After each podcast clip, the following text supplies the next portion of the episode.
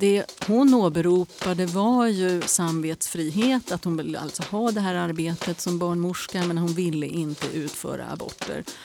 Och hon menar ju då att utifrån religionsfriheten så skulle hon då kunna slippa ifrån den här typen av åtaganden inom, inom sitt yrke. Och sen har ju det här prövats och eh, hon har ju förlorat i alla instanser hittills. Sex på arbetstid. Sex på arbetstid. Sex på arbetstid. En podd om SRHR för dig som jobbar inom vården.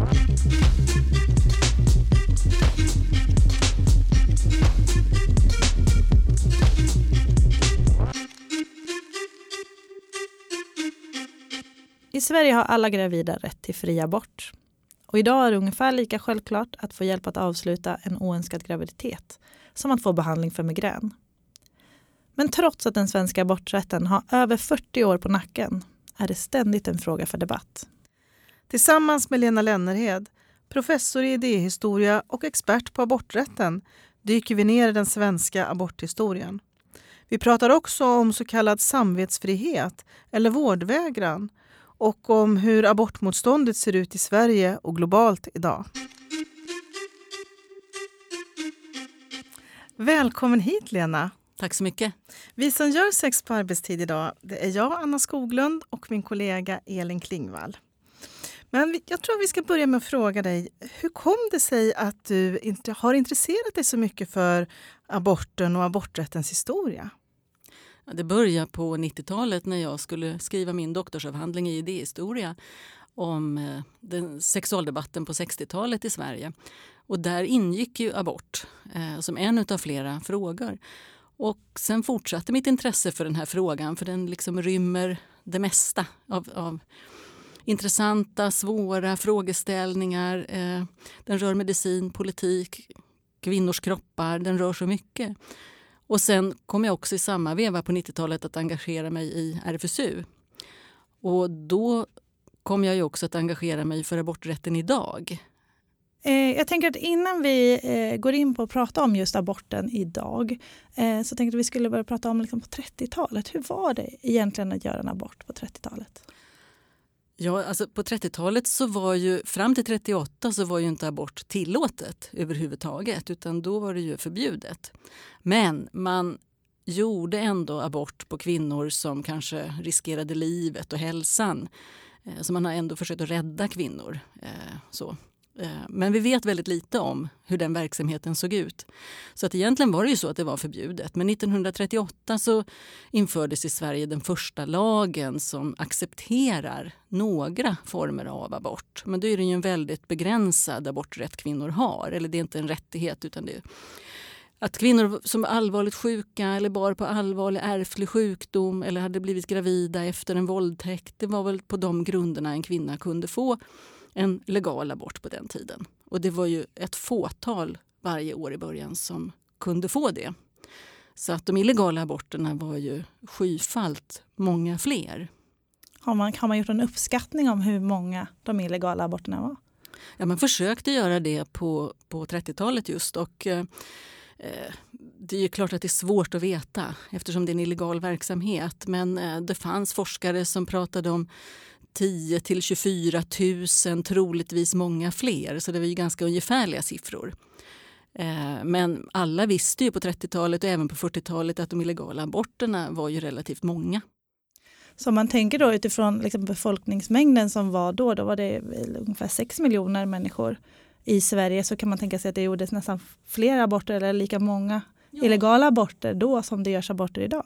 Ja, alltså det, det, kan man, det är en rimlig eh, tanke att det skulle kunna vara så att man gjorde kanske ungefär lika många aborter då som idag. Men att flertalet då var illegala. Vi har ju haft fri abort sedan 1975. Det vill säga att den som önskar en abort behöver inte uppge någon anledning och man har eh, möjlighet att få hjälp inom hälso och sjukvården. Men hur kommer det sig att lagen ändrades? Vad var det som ledde fram till att det blev en lagändring där 75? Ja, det är en lång historia. Eh, den här abortlagen hade ju liberaliserats på 1940-talet då man införde en socialmedicinsk indikation som det hette. Som mer, det var inte en rent social indikation Så en kvinna fick ju inte abort om hon var fattig och arbetslös eller bostadslös. Det räckte liksom inte. Utan här var ju tanken att samhället skulle istället ha sociala reformer som på något sätt gjorde att sociala skäl inte var nödvändiga längre. Men man hade någon blandad medicinsk social indikation och då ökar antalet aborter starkt. Men eh, det är ändå så att aborterna i Sverige ses som eh, det är ett undantag. Det är ingenting som kvinnor har rätt till. Aborterna är liksom ett, en nödfallsåtgärd. Och, och, det man kan se på 50-talet är ju att man eh, från samhällets sida bromsar till och med. Man tycker att aborterna, de legala aborterna är för många och man pratar om kvinnor som att de är bekväma och egoistiska och vill göra lättvindiga aborter. Och, och de som söker abort då är ju ofta kvinnor som är gifta, som inte har så många barn, kanske ett eller två barn. Alltså det är kvinnor som egentligen skulle kunna eh, kanske föda de här barnen, men de vill inte. Det finns liksom andra skäl. Och det där är man väldigt svårt att handskas med. Så även fast vi har samma lag på 50-talet som vi hade innan så kommer vi att halvera antalet legala aborter på 1950-talet. Från 6 000 1950 till 3 000 tio år senare. Så att det här är ju intressant också vad lagen betyder eller inte betyder. Och det var inte heller några nya råd och anvisningar från Socialstyrelsen. Så att även fast man har en abortmöjlighet så har ju, mm, ja, då kan ändå siffrorna fluktuera väldigt mycket. Eh, så. Men det som sker sen är ju under tidigt 1960-tal. Då hörs ju för första gången eh, krav på att slopa hela det här ansökningsförfarandet. Eh, och att man istället skulle införa fri abort. För det var ju så att det här ansökningsförfarandet var ju en väldigt omfattande historia. Kvinnor var ju tvungna att gå till en rådfrågningsbyrå, träffa kurator, träffa läkare, träffa psykiatriker. Man kanske hade flera samtal. Det här kunde dra ut på tiden. Eh, ibland blev det för sent till och med. Och det slutliga avgörandet gjordes ju då av Medicinalstyrelsen och sen Socialstyrelsen. Så massa olika moment som man behövde gå igenom för att också försvåra en abort? Alltså det fanns ju kuratorer som till och med på tidigt 60-tal sa att den här långa väntetiden var bra för att kvinnan skulle på något sätt, hennes moderskänslor kanske skulle kunna hinna väckas. Så det fanns ju en väldig förmyndarmentalitet när det gäller kvinnor som sökte abort vid den här tiden. Att de inte visste sitt eget bästa eller så. Man tyckte inte att de hade objektiva skäl. Så att det som sker på tidigt 60-tal är ju en helt ny syn både på kvinnor och på abort. Och eh, då är det liberala och socialdemokratiska ungdoms och studentorganisationer som ju börjar väcka kravet på att man ska införa fri abort. Och det här gör man ju runt 1963. Och det börjar också höras inom vården. Enstaka gynekologer, enstaka abortkuratorer skriver inlägg i pressen där man tycker att det här är ett förmynderi Eh, den här processen känns eh, omänsklig. Det, det, kan inte vara rimligt. Det är kvinnan som egentligen är den som bäst vet.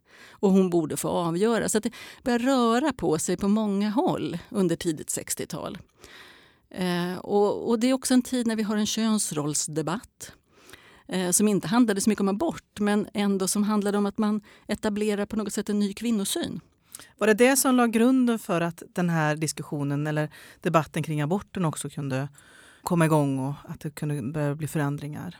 Ja, jag tror det. Jag tror att den här nya kvinnosynen är, är viktig. Även fast inte könsrollsdebatten så mycket handlade om abort utan den handlar ju om kvinnans ställning i samhället. Men man gjorde upp med den här idén om att kvinnors främsta mål i livet är att vara gift och vara mamma och vara hemmafru. Och man drar också in mannen i familjen. Så mannen ska också vara en pappa. Han ska också ta hand om sina barn, han ska också ta hand om sitt hem. Så det här förändrar väldigt mycket vår syn på kön.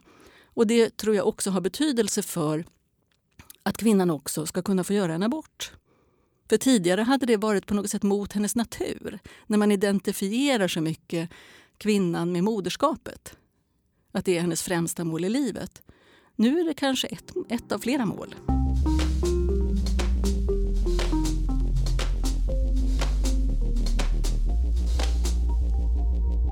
Hur, hur pass kriminaliserade var eh, personer som gjorde illegala aborter? Det beror på vilken tid vi tittar på. Ja, vi tittar 30, 50, mm. fram till 60-tal.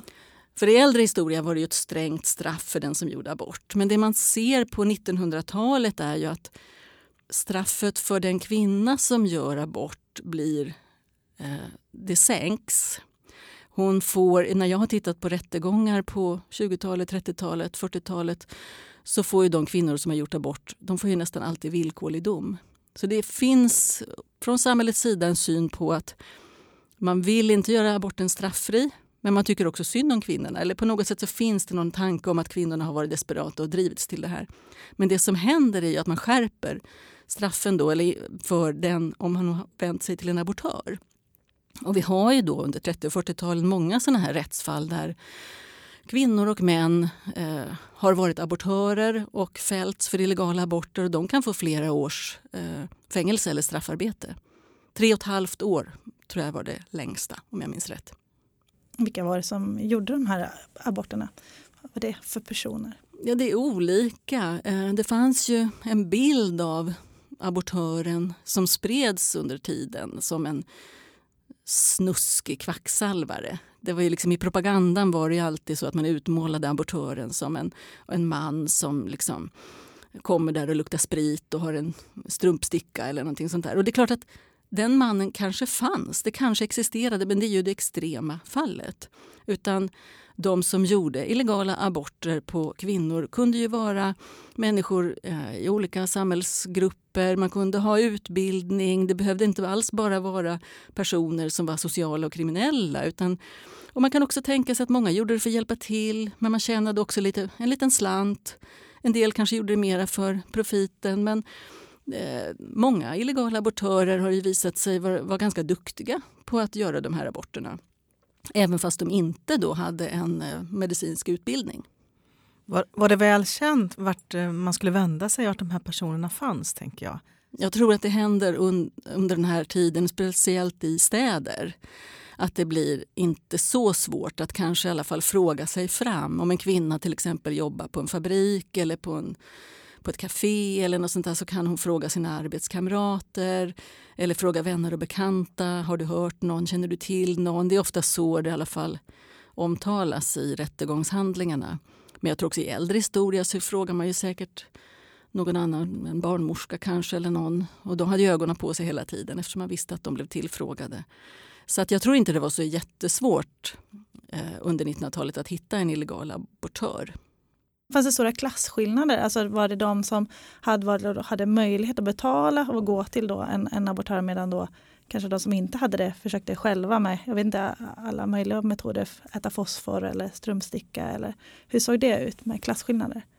Alltså klass är jätteviktigt här. Eh, det är ju så att eh, kvinnor som eh, har pengar eller kommer från familjer med pengar har ju lättare att hitta sjukvårdsutbildad personal som kanske då kan tänka sig att göra en illegal abort. Alltså att man hittar en läkare.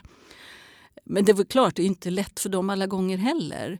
Flickor i överklassen, som, där ju, man pratade mycket om att det var vanäran att bli gravid utanför äktenskapet. Den var liksom jättestor. Eh, så att, eh, det var nog inte enkelt där heller. Men det är klart att det är lättare att hitta säkra abortörer om man har pengar. Men även i mera arbetarmiljö där man kunde få en abort på kökssoffan hemma hos en granne eller någon kvinna i grannskapet. Eh, många av dem var ändå relativt säkra. Så att, men det är klart, det vet man ju inte heller innan man går dit. Alltså det, kan ju, det är ju inte en, en önskvärd situation. Men aborterna vet vi ju gjordes ju i alla samhällsklasser. Det gjorde de. Det fanns ju samtidigt en, en parallell historia. Samtidigt som det här starka abortmotståndet så, så genomfördes ju också aborter utifrån rashygieniska motiv. Kan du säga något om hur det här hängde ihop? Det är ju så att när vi får den första abortlagen 1938 så möjliggör ju den aborter av eugeniska skäl eller rashygieniska skäl. Det är liksom samma ord. Eh, och Evgeniken var ju vid tiden okontroversiell. Vi hade ju samtidigt en steriliseringslagstiftning som hade införts på 30-talet. Och det här med att man skulle stoppa de ärftliga anlagen för att spridas vidare det var ju liksom en utbredd tanke i tiden. Och, och de, väldigt många var liksom för detta. Och det var ju framförallt genom steriliseringar som, som detta kom att ske. Men abortlagen finns ju med där också. Så att om en kvinna då menade att hon hade någon allvarlig ärftlig sjukdom Eh, eller hennes, eh, då, den blivande barnafadern hade det så kunde hon ansöka om en abort av eugeniska skäl. Och då var, hon, då var lagen också först villkorad med en sterilisering så att man inte skulle upprepa det här. Men det här tog man bort sen. Men det är klart att många kvinnor ville ju inte sterilisera sig utan undvek aborten helt och hållet. Och ja, det blev en slags komplicerad situation. Eh, men det, det är intressant tycker jag att eh, vid den här tiden är det ju ingen i samhällsdebatten som ifrågasätter de här hygieniska aborterna. Utan de är väldigt okontroversiella. Om man nu tycker att abort kan vara ett problem eller någonting oetiskt eller så, så de här aborterna är alla överens om att de är viktiga. Så det säger också någonting om, om tiden. Och när det gäller tvång så är det ju svårt att veta. Eh, vi vet ju att, eller det är en tolkning att eh, tvångssteriliseringar genomfördes. Eh, men det är ju ingenting som står i journalerna utan det är en tolkning. Och det är ännu svårare kanske att avgöra eh, när det gäller aborter. Jag tror ju eh, att flickor, unga kvinnor som blev gravida som kanske bodde på såna här hem för Eh, svagbegåvade och vad det nu kan ha hetat. De eh, kan säkert ha blivit, eh, alltså fått genomföra aborter mot sin vilja eller utan att förstå vad det, vad det handlade om. Men det här vet vi väldigt, väldigt lite om, eller i princip ingenting. Men det skulle vara helt logiskt om det hände. När, när slutade den typen av aborter att vara okontroversiella? Var det efter andra världskriget och framåt som, som det blev en annan syn på det hela? Eller hur ser det ut? Ja, det är en viss eftersläpning där tror jag. Eh, men visst, eugeniken blir ju på något sätt eh, ansedd som en gammal utdaterad vetenskap. Och, eh, men de här steriliseringarna och även aborterna på eugenisk grund pågår ju hela vägen in på 70-talet tills lagstiftningen förändras. Men antalet sjunker ju, det gör det.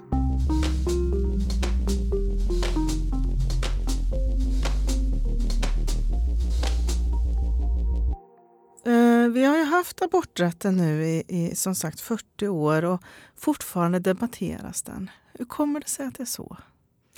Ja, jag tycker också att det är lite märkligt. Eh, jag tycker att vi kan prata om abort, det tycker jag vi ska göra. Men att debattera om det är rätt eller fel, om vi ska ha aborträtten eller inte, det tycker jag också är lite märkligt att det är där ibland abortdebatten står och stampar. Vi har redan avgjort den här frågan eh, 75. Eh, så att jag tycker att abortdebatten ibland är enkelspårig. Men det är klart att visst, det finns grupper som vill motarbeta kvinnors rätt till abort. I Sverige, liksom i andra länder. Och hur har abortmotståndet sett ut de här 40 åren i Sverige? Ja, de första åren efter aborträtten infördes då hände det väl i princip ingenting. Då fanns det någon slags tystnad i abortdebatten och alla väntade på att se vad, vad som vad hände, vad kom ut av det här. Men det fanns väl spridda grupper under 80-talet. Men annars så är det ju framförallt 1990-talet då vi eh, får organisationer som Ja till livet. Vad bygger man sitt motstånd på idag? Alltså vad har man för grunder till, de, eh, till det, vi, det vi märker idag? Ja, en organisation som Ja till livet har ju en kristen grund. och ett, eh, Det är så man har liksom förankrat sitt abortmotstånd. Sen har man ju inte alltid fört fram religiösa argument mot abort men här finns det ju ändå en grundtanke om att en abort är att eh, ta ett liv. Och Det var ju så man argumenterade från början. Att det var ja, att ta ett liv, att eh, man kunde till och med jämföra med förintelsen och, och så vidare. Samtidigt som man ju aldrig egentligen gick ut med krav på att aborträttigheten skulle försvinna helt och hållet. Så att, ja, det, har gått, det är lite svårt att veta vad man egentligen ville där från början men man ville ju ändå begränsa aborträtten på något sätt. Eh, men, och, och, många kom ju härifrån framförallt olika frikyrkor och så. Eh, så att där har vi det abortmotståndet. Och Ja till livet har ju genom åren argumenterat för eh, till exempel att man ska ha obligatoriska väntetider eller obligatoriska kuratorsamtal eller att man kanske ska sänka gränsen för när man får göra abort och så vidare. Men det har alltså inte handlat om att göra sig av med hela aborträtten utan det handlar om att nagga den här rättigheten i, i kanten kan man säga. Och det har ju varit tror jag, också ett strategiskt viktigt sätt att förhålla sig. Att gå ut och säga att abort är mord fungerar liksom inte i, i svensk abortdebatt. Då får, får, man vinner inga politiska segrar på detta. Det har ju istället andra grupper gjort som har brutit sig ur Ja till livet. Människorätt för ofödda och så vidare. Som har ett mer radikalt abortmotstånd. Eh, men det, det, jag tror att alla de här grupperna har ju framförallt haft någon typ av, av eh, kristen grund om att det skulle vara oetiskt. Eh, det vi ser idag är ju framväxten möjligtvis av ett nationalistiskt färgat abortmotstånd. Eh, Sverigedemokraterna är ju det enda partiet i riksdagen idag som har motionerat om att ändra abortlagen, att sänka gränsen och man har gjort andra olika utspel om abort. Vad har de då för argument för det? Eller vad, vad, vad? Alltså deras argument är ju lite svårtolkade också. När man ville sänka gränsen så pratade man ju vid något tillfälle om att det skulle vara att harmoniera med andra länder inom EU. Och det blir ju väldigt märkligt eftersom abort inte är en EU-fråga. Och sen har ju inte heller Sverigedemokraterna haft så mycket till övers för EU. Så att jag tror inte riktigt man har liksom kanske gått ut med varför man vill begränsa aborträtten eller inte riktigt klar över varför man eh, vill driva den frågan. Eh, men det vi vet från andra länder och som vi vet från historien är ju att såna här eh, högerpopulistiska grupper eller nationalistiska grupper brukar ju ha en pronatalistisk eh, linje, det vill säga kvinnor ska föda många barn till nationen och då ska det vara rätt kvinnor. Så att det, den tankelinjen är ju säkert den som på något sätt ligger i botten men den kommer liksom aldrig upp i debatten idag. Eh, men det finns ju inte alls den här kristna grunden som det gör hos eh, eh, till exempel Ja till livet eller som det kan finnas hos enstaka kristdemokrater. Kristdemokraterna som parti står ju bakom vår nuvarande abortlagstiftning även fast Ebba Busch Thor har nu kanske öppnat för samvets frihet. Men det där vet vi ju inte. Än så länge så har de ju ändå ställt sig bakom eh, den svenska abortlagen. Men det är ju där man hittar ändå motståndet framförallt skulle jag vilja säga. Det högerpopulistiska, nationalistiska och vissa kristna grupper. Man ska komma ihåg att mång, de flesta kristna är, står bakom aborträtten. Svenska kyrkan står bakom aborträtten. Så det gäller ju definitivt inte alla kristna heller. Men jag tror ju också att det som visade sig sen i, eh, när vi hade ett val senast och abortfrågan kom upp då, apropå EU-valet och kritiken då också av Kristdemokraterna Daktussons agerande inom EU i abortfrågan. Det kom ju väldigt mycket upp på tapeten i svenska media.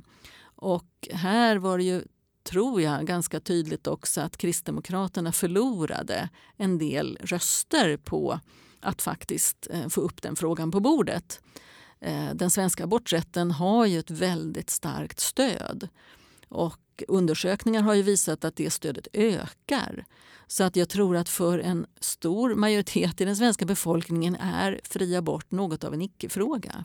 Eller man tycker att den är en viktig rättighet. Eh, så jag tror att med det politiska läge vi har just nu så vinner man inte politiska poäng på att försöka eh, begränsa aborträtten. Men man ska ju, vet ju inte vad som händer i framtiden. Vi lever i en väldigt föränderlig värld. Så att, eh, det är viktigt att veta ändå vilka grupper som ju ändå vill begränsa aborträttigheten. Så trots eh, det motståndet vi ändå hör idag så, så du tror att aborträtten i, i Sverige ändå är, är trygg? Det finns, den är inte hotad? Jag bedömer inte aborträtten som hotad i Sverige nu eller inom den närmaste framtiden. Och jag tycker att det är viktigt att veta också att vi har haft abortmotståndare av olika slag sen vi fick den svenska aborträtten. Och de har ställt olika förslag och krav eller motioner i riksdagen eller vad det nu kan vara. Och man har aldrig fått igenom en enda utav sina punkter. Och det tycker jag är viktigt att komma ihåg också. Det svenska stödet för aborträtten är utbrett och starkt. Men i andra länder kan det ju se annorlunda ut och det har ju kvinnor fått erfara. Där man kanske har haft en rätt och sen har den tagits ifrån en.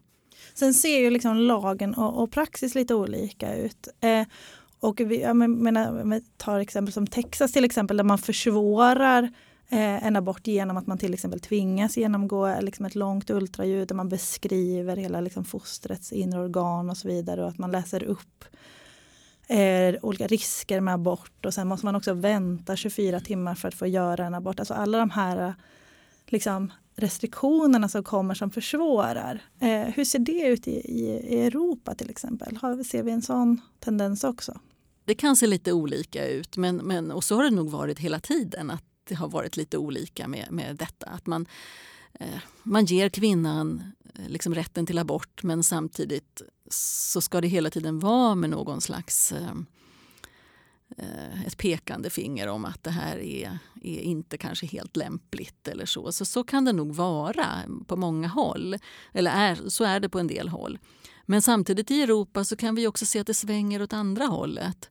Eh, Irland som ju har varit en sån bastion när det gäller abortmotstånd har ju nu svängt och tillåter abort från till och med vecka 12. Och det är ju en, en enorm förändring. Så det är både en backlash vi ser men också eh, framgångar vad det gäller SRHR. Absolut. Eh, och jag menar, jag tror att polska kvinnor hade ju rätt till abort tidigare. De har oerhört svårt att få en abort idag. Så för dem har det ju inneburit stora förändringar och problem. Eh, och där ser vi ju inte heller riktigt någon förändring i sikte. Även fast det finns i den yngre generationen eh, i Polen finns det ett större stöd för eh, aborträtten och, och, grupper som kämpar för det och så vidare. Men vi ser inte riktigt att det skulle bli politisk verklighet på ett tag. Men att det sker på Irland är fantastiskt. Har det föregåtts av också att grupper har kämpat för det här under många år? Eller hur har det sett ut på Irland? Ja, på Irland har man ju haft grupper som har kämpat för aborträtten länge och det har ju varit väldigt tufft för dem.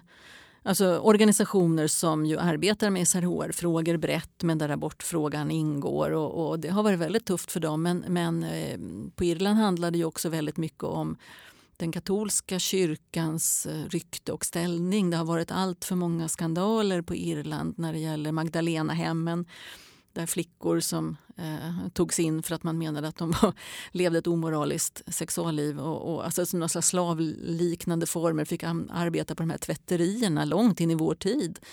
Eh, liksom pedofilskandaler och så vidare. Så det här tror jag också har betydelse för att den katolska kyrkan på Irland, dess ställning och rykte är liksom sargat. Så det är väl en kombination av att man har arbetat för aborträtten och att katolska kyrkan förlorar sitt grepp allt mer om människor när det gäller såna här frågor. Men på Irland kan man också fundera över den här äh, dubbelmoralen i att vem som helst kan beställa tid på internet och ta båten över till England för att göra en abort som är helt laglig och sen åka tillbaka. Alltså det blir ett väldigt märkligt system.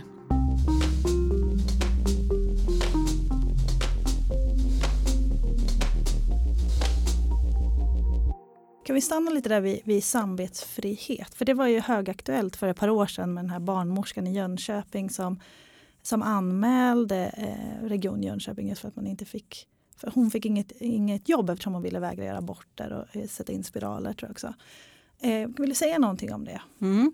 Och det har ju också varit, det har varit två fall, eh, men framförallt det här fallet då i Jönköping. Hon, Eh, det var väl först i tingsrätten och så gick vidare till Arbetsdomstolen och så vidare. Och sen så skulle det ju drivas i Europadomstolen om de vill ta upp det.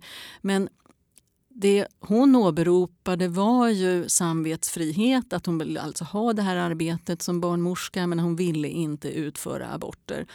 Och hon menar ju då att utifrån alltså, eh, religionsfriheten så skulle hon då kunna slippa ifrån den här typen av åtaganden inom, inom sitt yrke. Och sen har ju det här prövats och eh, hon har ju förlorat i alla instanser hittills. Eh, så att här har ju linjen varit i Sverige att eh, vi har inte samvetsfrihet inom vården. Vi har inga möjligheter att vägra vård. Vårdvägran som ju allt fler kallar detta. Vården är till för vårdtagarna och det är inte till för personalen så att säga utan det är, vård, det är vårdtagarna som ska stå i fokus. Ehm, så hittills har det ju inte fått någon framgång. Det finns ju många eh, länder i, i Europa som, som, där man kan åberopa samvetsfrihet. Eh, Norge till exempel. Eh, och jag tror att den här barnmorskan just från Jönköping började arbeta just också i Norge eh, för att hävda den här rätten. Hur, hur blir det? Hur funkar det?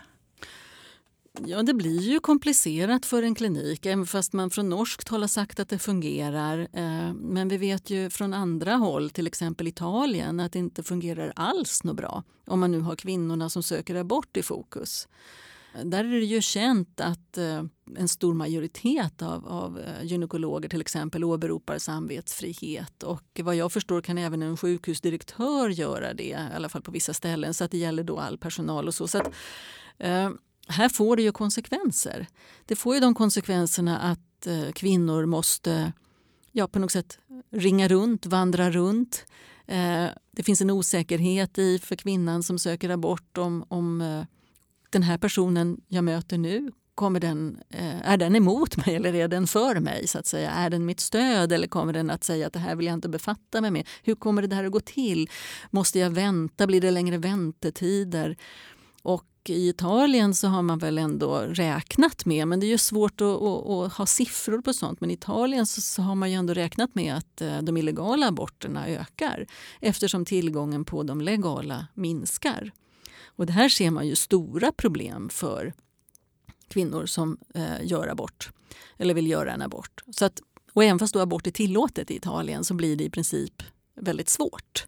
Man kan säga att det blir en klassfråga igen. Vem har råd att betala? Ja, och har man pengar kan man också alltid resa. Och Det är det som många kvinnor gör idag. Väldigt mycket. Man har alltid rest för att göra en abort men då blir det ännu mer en ekonomisk fråga. Men i USA till exempel reser ju kvinnor mellan olika delstater för att kunna göra en, en eh, legal abort. Eh, och, eh, tidigare vet vi också i Europa att kvinnor på Irland har ju alltid åkt till England.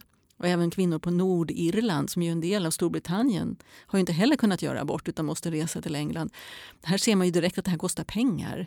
Det kan vara svårt för en ung kvinna utan, utan medel.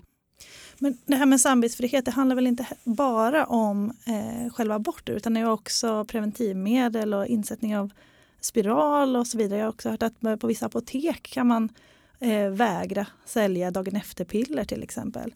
Det här måste ju få jättestora konsekvenser. Ja, alltså om det blir en verklighet så får det ju stora konsekvenser. Eh, för varför bara stoppa för detta med abort? Utan då kommer ju de andra som ett brev på posten. Och alla, då, alla de frågorna du tar upp nu, de handlar ju om kvinnors reproduktiva hälsa. Eh, och, och, men man kan också ännu mer i förlängningen tänka sig kanske läkare som eh, har synpunkter på, man kanske inte vill stödja homosexuella par till eh, Assisterad befruktning. Assisterad befruktning. Eh, det kan röra andra frågor också. Eh, men visst, de reproduktiva hälsofrågorna står ju i fokus här. Det gör de. Mm. Och det kommer att få stora konsekvenser. Det kommer absolut inte att stanna vid aborter utan det kommer också att röra spiral, andra saker.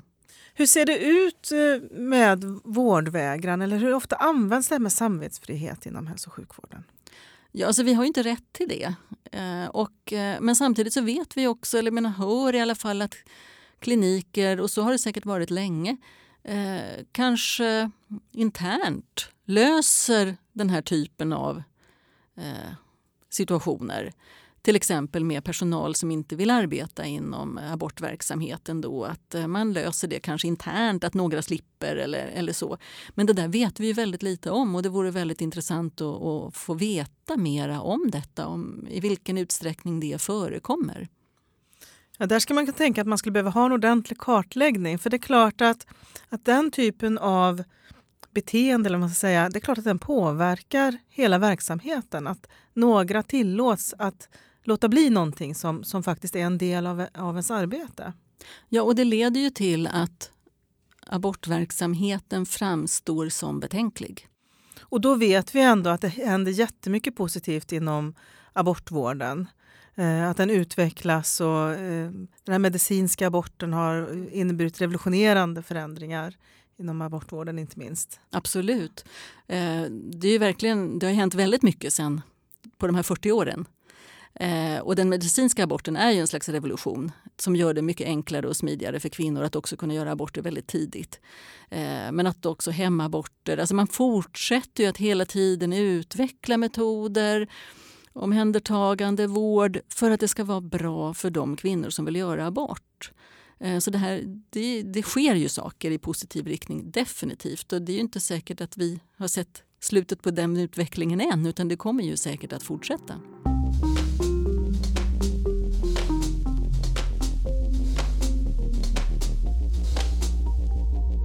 Då Lena skulle vi jättegärna vilja höra vilka tre tips du har med dig. Då skulle jag vilja säga så här, och det första tipset är kanske lite tråkigt och givet men det handlar ju om kunskap. Eh, kunskap är alltid bra. Och där är det ju viktigt också att alla som arbetar inom vården också har möjlighet att skaffa sig nya kunskaper och fortbilda sig och så vidare. Eh, men det är inte alltid det blir av, kanske av kostnadsskäl eller andra skäl. Eh, men det andra som jag skulle vilja ta upp är ju detta med att jag tycker det är viktigt att tala mera om abort. Och nu pratar jag dels om på något sätt någon slags offentlig debatt i sin helhet. Men den rör ju också människor som arbetar inom vården. Och jag hoppas att man har möjligheter att tala där tillsammans om abort. Men jag upplever att vi har för lite av samtal om abort. Eh, vi har fastnat i en gammal diskussion om huruvida det ska vara förbjudet eller tillåtet. En diskussion som är överspelad. Jag tycker istället att vi ska kunna prata om våra upplevelser och känslor som inte handlar om att ifrågasätta kvinnans beslut att göra en abort men som handlar om att det här är, kan vara, något som är förknippat med olika typer av känslor. Och Då måste man kunna få tala om detta på ett bra sätt. Och Det gäller ju alla. Och då hoppas jag också att eh, personal också har möjlighet att på ett strukturerat sätt kunna samtala om abort för att bryta tystnad. För att bryta det här om att abort skulle vara något särskilt eller att det är något betänkligt eller något knepigt. Alltså det finns fortfarande något av ett stigma kring abort och, eh, som skapar tystnad och det är aldrig bra. Eh, och det tredje eh, tänker jag väl att, och det hänger väl ihop med, med detta med att bryta tystnad. Eh, jag tror ju att väldigt många inom abortvården känner ett väldigt starkt engagemang och gör ett väldigt bra jobb. Då skulle jag bara vilja säga att om Känn stolthet över att man faktiskt bidrar med denna viktiga vård för kvinnor. Tack Lena och tusen tack att du ville vara med i Sex på arbetstid. Tack för att jag fick vara med.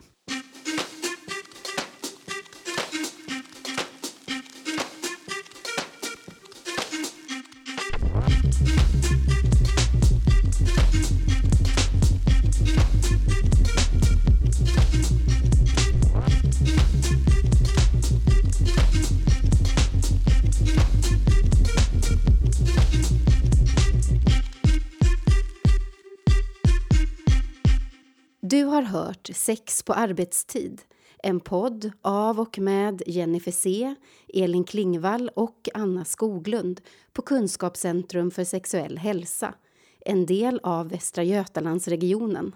Sex på arbetstid produceras av Malin Holgersson på uppdrag av Kunskapscentrum för sexuell hälsa.